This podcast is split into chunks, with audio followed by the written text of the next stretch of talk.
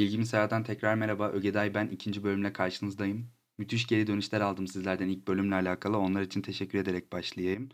Bugün biraz web teknolojileri içerisinde olacak konumuz. Her iki stajımı da yaptığım alan benim. Dolayısıyla benim tarafımdan da bu konuya ilgi haliyle fazla. Günümüzde bazı sitelerde giriş yapmaya çalışırken ya da tekrar giriş yapmamız gerektiğinde sürekli karşımıza çıkan robot olmadığını kanıtla ya da ben robot değilim kutucuklarından konuşacağız bu bölümde. Bu sistemler neden var, nasıl oluşmuşlar, neyi önlüyorlar onlara bakacağız bugün. Bu sistemlerin amacı aslında belirli bir siteye saldırarak onu hizmet dışı bırakmaya çalışan robot yazılımları engellemek.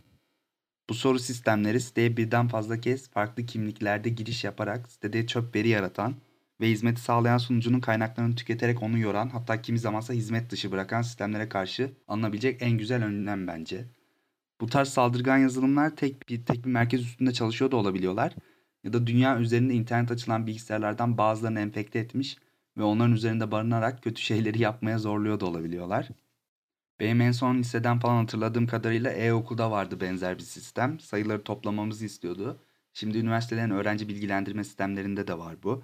Bunlar kullanıcı tarafından web sunucusunun kaynakları aşırı tüketilmesin diye yapılmış bazı basit önlemler aslında. Botların bunu aşması da günümüz şartlarında çok zor gibi değil aslında. Yani çok rahat bir şekilde aşabilirler. Ama anlaşılan şimdilik iş görüyor gibi ki bu sistemler kullanılmaya devam ediyorlar.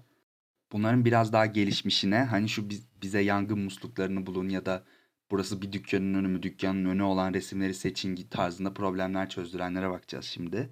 Bu sistemlerin atası 90'ların sonunda ortaya çıkıyor. O zamanın Google'ı diyebileceğimiz bayağı popüler AltaVista adı verilen bir arama motoru var. Daha sonradan Yahoo tarafından alınmış AltaVista.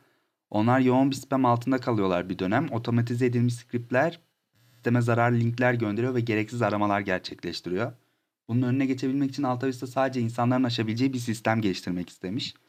Kullanıcı girdi formuna yamuk yumuk harflerle yazılmış belirli kelimelerin görselleri eklenmiş. Kullanıcıdan bunları girmesi istenmiş. Bu aslında AltaVista'nın sorununu çözmüş. Çünkü o zaman görüntü işleme sistemleri bu soruyu çözebilecek güçte değilmiş zaten. Bu da otomatize edilmiş bilgisayarları önlemede yeterli olmuş. İnsanlar içinse bu tarz problemleri çözmesi gayet kolay olmuş tabi. Sadece sinir bozucu ve gereksiz bulmuşlar. Fakat tabii ki bu durum gö- görme engelli bireyleri en başta kapsamamış ve bir süre onların hayatında büyük bir zorluk olarak kalmış. Sesiyle söyleneni algılayıp onu girdi olarak yazma gibi erişilebilirlik özellikleri ekli versiyonu daha geç kalmış ve biraz daha geç çıkmış. Sonrasında bu sisteme CAPTCHA adı verilmiş. Bu aslında uzun bir ismin baş harfleri alınarak kısaltılmış versiyonu. Açılımın Türkçesini söylemem gerekirse bilgisayarları ve insanları ayırmak için açık, tamamen otomatize Turing testi. İngilizce isminin baş harflerindense CAPTCHA adı ortaya çıkmış. Turing testi bir konsept aslında. Bilgisayarlarla insanlığı ayırmak için kullanılıyor. Bilgisayarların babası olarak bilinen Alan Turing'in adını taşıyor. O konuya bugün ilk girmeyeceğim çünkü çok daha heyecan verici ve derin bir konu. Onu başka zamana saklayayım.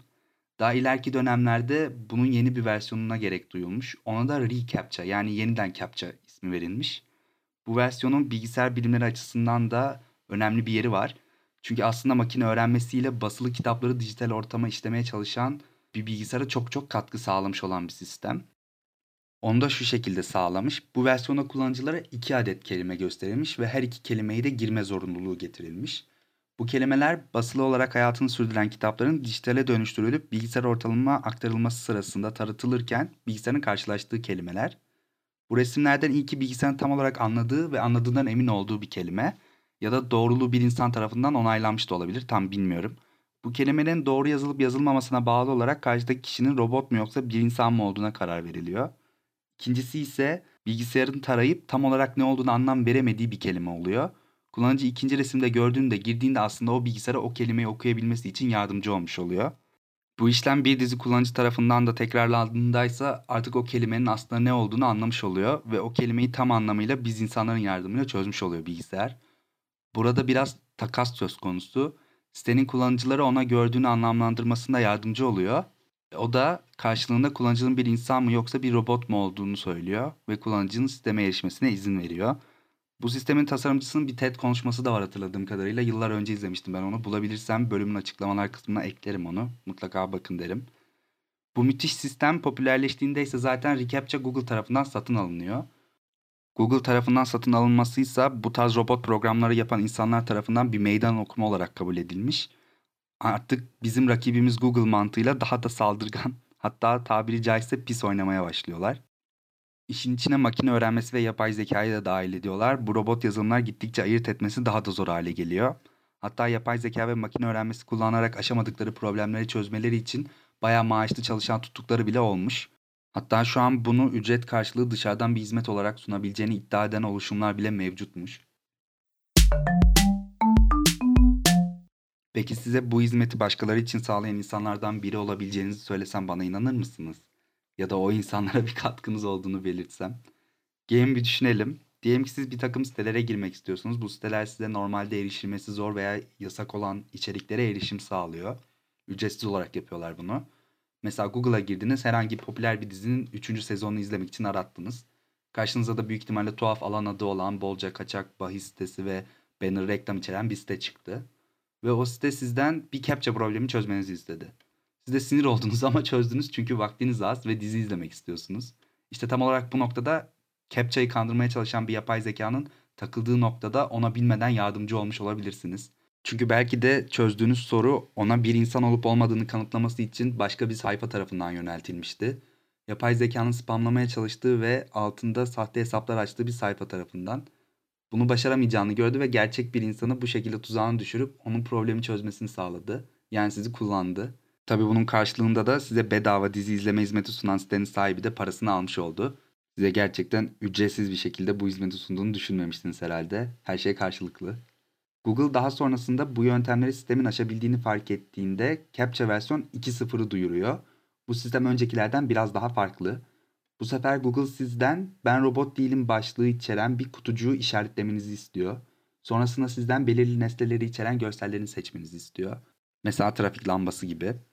Fakat bu işlem sürerken aslında Google sizden bir takım başka veriler de topluyor. Bunları tam olarak bilmiyoruz ama tarayıcının üçüncü taraflarla paylaşabildiği bilgiler olduğu aşikar. Tıpkı Google.com çerezleri gibi düşünün bunu. Hani şu karşımızda bizi ilgilendiren, bize uygun reklamları çıkartan olay var ya o işte. Ama tam olarak nasıl çalıştığını sistemin tasarımcıları biliyor tabii sadece. Bu sır gibi saklanan sistemi aşmak içinse bir takım makine öğrenmesi programları daha geliştirilmiş.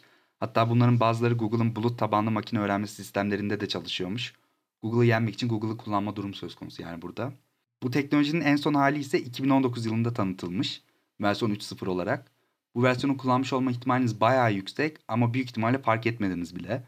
Çünkü bu versiyon sizden herhangi bir etkileşim beklemiyor. Tıklamanız gereken bir buton ya da seçmeniz istenen bir resim de yok.